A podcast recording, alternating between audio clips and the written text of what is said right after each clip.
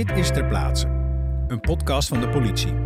Ik ben Harmen en in deze podcast ga ik op zoek naar de mens in het uniform. Waarom is hij of zij bij de politie gaan werken?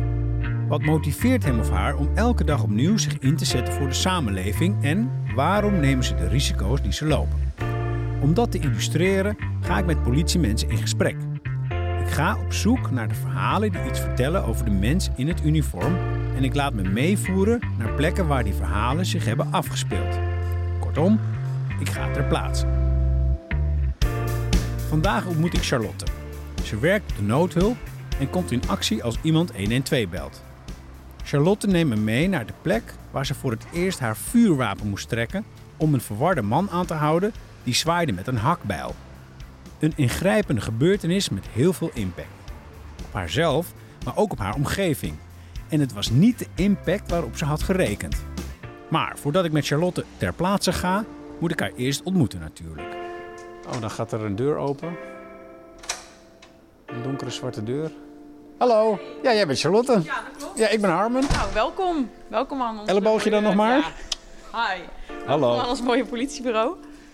Ja, nou, eh, goed dat ik er ben. Ja. Dankjewel. Zullen we even ergens nog gaan zitten eerst voordat we beginnen? even binnen een kop koffie drinken. Oké, gaan we dat doen. Kom erin. Dankjewel. Hoe drink je je koffie? Ik heb het niet onthouden van de eerste eh, podcast die ik heb teruggeluisterd. Eh beetje melk, beetje suiker. Beetje man, beetje suiker. Het ziet er heerlijk uit. Dan moet je altijd nog afwachten of het ook zo smaakt natuurlijk. Suiker erbij, een beetje melk. En dan neemt Charlotte me mee naar de garage naast het politiebureau en stappen we in de politieauto. Met Charlotte aan het stuur rijden we terug in de tijd. Nou, wij waren net klaar met een andere melding. En eh, toen kregen wij eigenlijk de melding dat er een eh, verwarde man, zo omschreef de melder het, een verwarde man met een bel eh, zou zwaaien. En ehm, nou, hij had al een tijdje stilgezeten op een stoepje. Hij had een knuffeltje vast. Een knuffeltje? Ja, een knuffeltje. Ja, daar heeft hij mee zitten knuffelen een tijdje op een stoep. Ehm, daarnaast heeft hij een kinderfiets uit de speeltuin gepakt. Is daar een stukje op gaan fietsen. Heeft daar wat mee gedaan. En dit, nou, eigenlijk terwijl we daar naartoe rijden, krijgen we constant informatie van de melder. Eh, vertelt ze van, eh, dat hij nog steeds die bel heeft. Dat hij daar nog mee aan het zwaaien is. Eh, dat hij dat nog niet naar mensen toe heeft gedaan, maar wel in het wilde weg rondloopt en zwaait met, dat, eh, met, met een bel, met een hakbel. Een interessant beeld. Dus een, een man met een knuffeldier en Ja. een hakbijl. Ja, hij ging aan de wandel en een meldster is er achteraan gegaan. Dat is best eh, gevaarlijk. Dat is aan de ene kant heel gevaarlijk, aan de andere kant heel heldhaftig. Maar voor een volgende keer zouden we het je niet aanraden. Maar uiteindelijk heeft dat er wel voor gezorgd dat onze zoektocht heel gemakkelijk werd en dat we die man zo gevonden hadden. Dus het heeft ons enorm geholpen. Een hakbijl en een knuffeldier. Dat is inderdaad een verwarrend beeld. Maar hoe ga je met dit soort mensen om? Dat lijkt me lastig politiewerk. Maar laat nou net Charlotte daar heel goed in zijn. Eh, omdat ik me denk ik altijd probeer te verplaatsen in wat die mensen op dat moment bezighoudt. En het feit dat zij bijvoorbeeld soms dingen zien eh, die ik niet zie. Die, die niemand ziet. ja, die niemand ziet. Nee, dat klopt. We horen de meest eh, waanzinnige dingen zeg maar voorbij komen. Ehm, maar dat is de beleving van die persoon op dat moment. En het is natuurlijk al heel naar als jouw hersenen iets met jou doen, waardoor jij die dingen ziet. Dan ben ik niet degene die jou moet veroordelen en er wat van moet vinden. Maar vooral, en zeker niet als ik de situatie wil oplossen of veiliger wil maken, dan is het eigenlijk meer mijn taak om jou te begrijpen en te weten wat jij doormaakt, zodat ik ook de beste hulpverlening voor jou op kan starten. Dus jij verplaats je in de persoon die daar, nou ja, in dit geval met een bijl staat te zwaaien of ander verward gedrag vertoont. Nou, ik wil vooral weten wat drijft diegene om dat daar te staan doen. Maar dat is juist heel irrationeel vaak. Ja, maar ik, ik hoef niet hetzelfde te voelen of te vinden. Ik wil vooral begrijpen wat zij doormaken, zodat ik ook zo snel mogelijk iets kan opstarten om de situatie veiliger te maken en de hulpverlening zo snel mogelijk in te schakelen als die daarvoor nodig is. En welke hulpverlening er dan ook nodig is. En ga je dan ook eh, een beetje mee in dat verhaal dan? Zeg je niet, hé hey, maloot, doe eens rustig aan. Nee, maar dat werkt sowieso niet. Je moet, wat mij betreft, en dat is natuurlijk hè, voor ieder, eh, ieder gaat er op zijn eigen manier mee om. Eh, wij leren daar natuurlijk in de politieopleiding ook wel het een en ander over. Maar uiteindelijk zijn we allemaal mensen en willen we altijd als mens behandeld worden. En dat vind ik altijd het belangrijkste om dat eh, in ogenschouw te nemen. En dan komen we aan bij het speelveldje. We zijn er. Ja, we zijn er. Nou, dit is inderdaad hier het speelveldje wat je ziet. Het is een soort, uh, soort voetbalkooi. Uh, nou ja, daar is die man dus geweest. En eigenlijk de straat hierachter is die uh, ingegaan. Even kijken of deze persoon er nog langs kan. Oh, we blokkeren een beetje. Nou, die meneer kan nog meesturen. Ja, gaat goed. Ja, helemaal goed. Dus de melder, die man van de echtgenoot die het in eerste instantie had gemeld... die stond dus hier op ons te wachten op de hoek. Uh, ik zat eigenlijk op jouw plek. Ik was als bijrijder. En mijn collega die, uh, die hardaardig de gang er al in zit om hier zo snel mogelijk te zijn. Dus ik uh, open mijn raampje en die man zwaait eigenlijk naar ons hier. Dus, zo, het raampje open. En hier stond dan die, die, die, ja. die man? Ja, en die man die zegt eigenlijk meteen hij is hier niet meer. Mijn vrouw is erachteraan. ik ga haar nu bellen waar die nu is. maar dit is een foto van hem. Dus die man die laat zijn telefoon zien en die heeft een foto van die man gemaakt. En uiteraard zijn we altijd blij met signalementen. Want dat maakt het voor ons heel makkelijk. Als ik weet, uh, die man ziet er, uh, dit, is, uh, um, dit is zijn leeftijd, dit is zijn postuur. Of ongeveer zijn leeftijd geschat natuurlijk. En op die foto was ook te zien dat hij met die bijl... Nee, daar zat hij dus met het knuffeltje. Hij zat met dat knuffeltje. Uh, en wat dus heel opvallend hieraan was, was uh, bepaalde lichte kleur kleding. En hij had rugtas om. En een koptelefoon om, terwijl hij zelf kaal was. Nou, dat zijn hele opvallende dingen. Uh, maar hij was hier niet meer. Maar hij was hier niet meer. Dus wij inderdaad aan die man van... Hup, hup, we willen graag weten waar die is. Dus hij geeft aan, nou, mevrouw die, uh, die is richting het dorp gelopen. Dus die geeft me ons aan, uh, ik loop nu daar, ik loop nu daar. en het dorp ligt daar? Ja, ja, ja, we zijn hier met een minuut afstand. Zullen we erheen gaan dan? Ja, dat is goed. Want jullie gingen dus ook er achteraan. Wij gingen er achteraan toen wij wisten waar die eenmaal was. Ging dat met lichten en alles? Ja, wij hadden alles onderweg al aanstaan. Ook het en geluid? Wij, dat hebben wij hier uitgezet inderdaad. Want A, we konden die man anders niet verstaan. Uh, maar B, als een verward persoon kan daar juist heel heftig op reageren.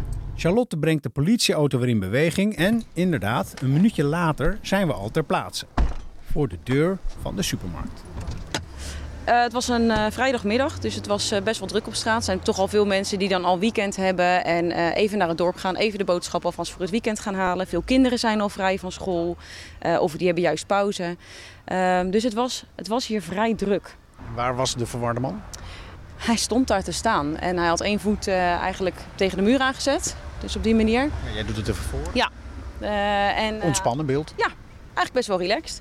En dat maakt ook dat je eigenlijk gelijk een beetje gaat terugschakelen van oké, okay, wat zien we daar? Maar hij had dus geen bijl op dat moment? Nee, hij stond met zijn handen in Jullie hadden de lichten en de auto, alles rustig? Ja. En jullie dachten ook, oké, okay, het is rustig, we houden het rustig. Dan houden we het ook rustig. Dus het publiek had eigenlijk ook geen idee? Nou, op dat moment wel, want ik begin eigenlijk al vanaf de overkant uh, hem aan te roepen. Uh, want we hebben net wel een incident gehad uh, waarvan we niet weten waar die, wat hij nog meer bij zich heeft. Oké, okay, dus eigenlijk jullie trokken de aandacht eigenlijk? Ja, zoals we hè, wel eens kunnen aanroepen naar mensen van... Goh, laat even je handen zien, want hij staat met zijn handen in zijn zakken. Heb ik hem aangeroepen, laat je handen zien. En toen? Uh, toen ben ik hem aan de zijkant gaan benaderen en mijn collega vanaf de voorkant. Wij doen altijd een uh, soort V-vorm, zodat we de veiligheid, we kunnen elkaar zien... en we kunnen dan ook de persoon zien waar het over gaat, waarmee we in gesprek gaan. En uh, dus mijn collega komt er ook aan en op dat moment roepen we hem nog een paar keer aan van hou je handen uit je zakken, show me your hands. Dus hij haalt zijn handen uit zijn zakken doet zijn rugtas af, want die had hij dus op zijn rug. Dus wij wisten eigenlijk meteen van die foto, hé, hey, dat is die man, koptelefoon op, rugzak om. Uh, de rest van de kleding kwam overeen. Hij doet zijn rugzak af en eigenlijk in een paar seconden tijd is het eigenlijk in één handeling door. Rugzak af, vest open, doet zijn shirt omhoog, haalt daar een hakbel onder vandaan. Daar was de hakbel. Hij had dus zo'n handhakbel. Want anders denk je misschien, hoe kan die in godsnaam een hakbel kwijt tussen zijn broeksriem en zijn shirt. Ja, jij doet nu je handen zo, laat ik zeggen 40 centimeter, ja, 50? Zoiets, ja. Echt een handhakbel. Uh, zo mee waar je hout mee klooft? Ja, precies. Echt zo'n houthakkers uh, hakbeltje denk ik. Uh, niet voor de professionals, maar wel voor thuis te hebben. Wel gevaarlijk. Ja, zeker. Ja, dat is wel echt een wapen waar je vreselijke dingen mee kunt aanrichten. Zeker als je daarmee rond gaat zwaaien vlakbij een supermarkt. Nou ja, dit gaat dus in een paar seconden tijd. Hij pakt die hakbel. Mijn collega trekt zijn vuurwapen, houdt hem op hem gericht. Ik trek ook mijn vuurwapen, want hij roept meteen hakbel. Dan dus je staat met je vuurwapen in je hand op dat moment? Ja, ik sta met mijn vuurwapen in mijn hand op dat moment. Voor doen hoe dat eruit ziet dan? Ja, zonder dat je het nu pakt? Ja, zonder dat mensen hier inderdaad gelijk van schrikken omdat ik jou onder, uh, onder vuur neem. Ja, ik pak mijn wapen en ik hou hem op de benen gericht. Ja, ik zie. Je doet een stapje naar achter, stevig op je voeten ja. en je, met twee handen hou je je vuurwapen vast. Ja, je richt op mijn knieën. Ja, ik richt op jouw knieën. En mijn idee op dat moment, uh, dat was de eerste keer voor mij ook dat ik mijn vuurwapen trok. Dus uh, sinds de opleiding, dus dan leer je het allemaal wel. Maar Je weet nooit precies hoe je in het echt daarmee omgaat. En ik vond het eigenlijk heel mooi om te zien wat het met mijn hersenen deed. Uh, alles ging in de vertraging. En ik kan me precies herinneren waar ik naar keek, uh, waar ik over nadacht. Uh, het ging heel precies. Wij hadden dat heel scherp. En ik zeg we, omdat ik met mijn collega daarna dat heb besproken en hij dat precies op dezelfde manier had. En daarom heeft dit ook zo'n impact gemaakt, dit, dit, deze situatie ja, op jou zeker. waarschijnlijk. Want het zit hier in je kop. Ja, zeker. zeker. En dat heeft ook te maken met hoe het daarna ging. Maar in ieder geval, wij trekken het vuurwapen, dat gaat heel snel. Hè? Dus uit de holster halen, gericht houden. En mijn collega roept meteen bel laten vallen. In het Engels, laat je wapens vallen. En dat gaat meteen binnen twee seconden doet hij dat ook. Hij laat hem vallen, gaat op zijn buik liggen. Dan berg ik mijn vuurwapen, dat overleg ik ook met mijn collega. Ik berg mijn vuurwapen, ik ga hem aanhouden. Je doet alle handelingen na nu, dat is heel mooi. Je stopt hem weer terug in de holster. Daar ben ik heel beeldend met vertellen, maar inderdaad, ik, doe dat, eh, ik voer het inderdaad ook gelijk nog een keertje uit. Dus hij ligt op de grond. Ik doe mijn eh, vuurwapen weer in de houder. Ik loop er naartoe. Ik benader hem zo dat mijn collega nog steeds zijn vuurwapen gericht kan houden. Mocht hij gekke dingen doen. Je weet niet als hij een hakbel heeft of hij nog andere wapens heeft. Uh, daar kun je niet op vertrouwen dat het niet zo is. Dus daar moet je rekening mee houden. Ik ga naar hem toe. Ik kniel naast hem. Ik pak mijn uh, handboeien. Ik leg de handboeien aan op het moment dat ik de eerste heb aangeslagen en daar controle in heb. Dat ziet mijn collega meteen. Bergt hij zijn vuurwapen, komt erbij. En dan doen we het zoals we dat noemen, het afboeien. Dus dan leggen allebei de handboeien leggen we aan. En dan is het rust. En dat is deel 1 van dit verhaal. Charlotte en haar collega hebben succesvol en veilig de verwarde man aangehouden. Deel 2 van dit verhaal is helaas wat minder fraai. Ik uh, sta dus gericht met mijn vuurwapen op de verdachte. En ik sta naast de ingang van de supermarkt. En op dat moment, terwijl ik gericht sta, dat zijn maar enkele nou ja, secondes eigenlijk dat je daarmee bezig bent, komen er mensen naar buiten. Die willen langs jou oplopen, eigenlijk door jouw vuurlijn heen lopen. Um, vinden dat vervelend. Er komt zelfs nog de supermarktmanager. Dit gaat natuurlijk heel snel. Supermarktmanager komt naar buiten en moet het allemaal voor mijn deur. En, uh, dus ik heb die meneer ook tussendoor nog gezegd: kijk, kijk even wat ik sta te doen. Kijk even waar ik mee bezig ben. Sluit die deur. Laat hier geen mensen meer naar buiten. Dus jij stond letterlijk met je wapen en er gingen mensen doorheen lopen?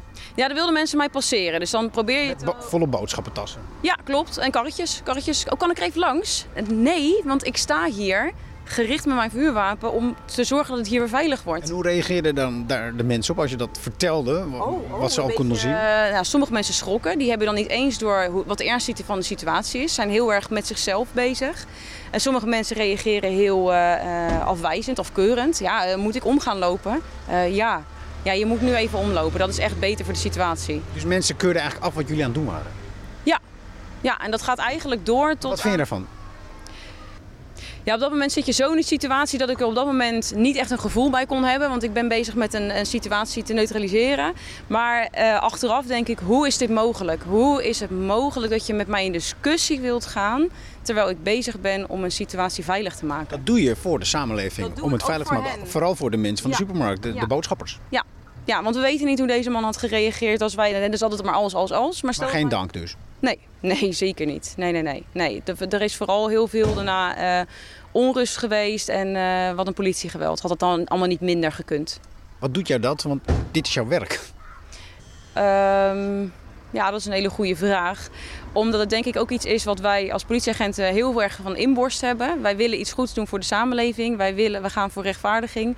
En niet iedereen kan het begrijpen. Omdat je, omdat en dat weten we ook. Dat maakt maar wat doet dat met je motivatie als je ochtends je uniform aantrekt? Uh, in de wetenschap dat als je hier zo'n soortgelijke situatie krijgt binnenkort, dat misschien de mensen zeggen: doe eens een stapje opzij, dat ze het niet waarderen. Ja, dat is heel naar. Het is heel, ja, het is heel naar en tegelijkertijd beseffen we ons ook allemaal, en, we, en ik ook, dat mensen het niet gaan leren. En dan kan ik heel teleurgesteld raken. Um, maar dat wil ik vooral niet, want dan wordt het ook niet meer leuk. En dan op een gegeven moment raak je dan dus wel je motivatie kwijt. Dus ik weet waar ik het voor doe. Ik weet waar mijn collega's het voor doen. Ik weet dat er ook mensen zijn die het wel waarderen. Want de mevrouw die het in eerste instantie had gemeld en die dus ook achter deze verdachte aan is gelopen en waarvan we haar man hebben gesproken. Die mevrouw stond ook tussen dat publiek. Op het moment dat er werd eh, afkeurend werd gereageerd eigenlijk. En hoe reageerde zij daarop? Ja, die mevrouw heeft het daar gelaten. Want ze was zo verbaasd, zegt ze. Ik was zo verbouwereerd omdat ik weet wat er allemaal gebeurd is. En dat het mij zo verbaast dat mensen durven te oordelen... terwijl ze niet weten wat het volledige verhaal is. En... Die mevrouw gaf jou die steun? Die mevrouw zei, joh, ik snap jullie helemaal. Ik ben heel blij dat ik jullie gebeld heb en ik ben heel blij dat jullie zo gehandeld hebben. Want ik moet er niet aan denken wat er anders had kunnen gebeuren. Is dat dan fijn dat zij daartussen stond en uh, jou wel het respect gaf? Uiteraard. Uiteraard is dat fijn als je dat dan achteraf hoort. Dat je denkt, hè, er zijn mensen die het ook wel begrijpen of willen begrijpen en willen zien. Ja. ja. Hoe is het nu met je? Goed. Hoe vind je het om hier te zijn? Ja, geen enkel probleem, want dit is, uh, dit is voor ons dagelijkse doorrijroute. Dus wij komen hier dagelijks langs. Um, en uiteindelijk was het vooral het gebruik dat we het vuurwapen moesten gebruiken. En hoe de mensen erop gereageerd hebben, dat wel een indruk heeft gemaakt. Ja, dat je denkt, pol, uh, we doen het maar wel even. Want ik heb die stap naar voren gezet om wel hier actie op te ondernemen... om te zorgen dat het weer veilig is geworden. Ja, dat zeggen ze, hè? Als iedereen een stap achteruit doet, doen jullie een stap naar voren. Ja. Maar er zijn dus ook mensen die gewoon met een boodschappentas er dwars doorheen banjeren. Ja, die willen graag een stap er doorheen maken, ja. ja. En ik denk gewoon dat dat iets is dat als we allemaal net even wat breder soms kunnen kijken... en wat meer in elkaar willen en kunnen verplaatsen... dat we elkaar allemaal beter begrijpen. En dat gaat niet alleen over burger en politie. Dat gaat denk ik in de gehele samenleving. Vind je het daarom ook prettig dat je dit verhaal kan doen? Ja, zeker. Ja, ik denk dat het altijd heel mooi is. En dat zie ik ook aan eigen vrienden en familie die mee hebben gemaakt dat ik naar de politie ging. En dat ik een politievrouw ben geworden. Wat dat voor uh, effect op mij heeft gehad. Maar die, ik zie ook wat het voor effect op hen heeft gehad. Dat zij beter hebben geleerd. Goh, wat doet de politie nou eigenlijk? Wie is die vrouw in dat uniform? Wie is die vrouw in dat uniform? Maar ook wat doen ze nou bij de politie? Waar, maken ze, waar krijgen ze allemaal mee te maken? Nou, dit dus. Ja, ik denk dat als we dat allemaal een klein beetje beter weten, dat we elkaar ook beter begrijpen. Dankjewel voor je verhaal. Ja, nou jij dankjewel dat je hier komt om het op te nemen. Charlotte verplaatst zich altijd in de ander. En laat dat nou precies het thema zijn van deze podcastserie. Je verplaatsen in de ander. En dus ook in die man of vrouw in dat politieuniform. Ik heb die kans gekregen dankzij Erik, Rick, Daphne, Rick en Charlotte. En jullie daarmee ook. Dit was Ter Plaatse. Ik ben Harmen. Tot horens.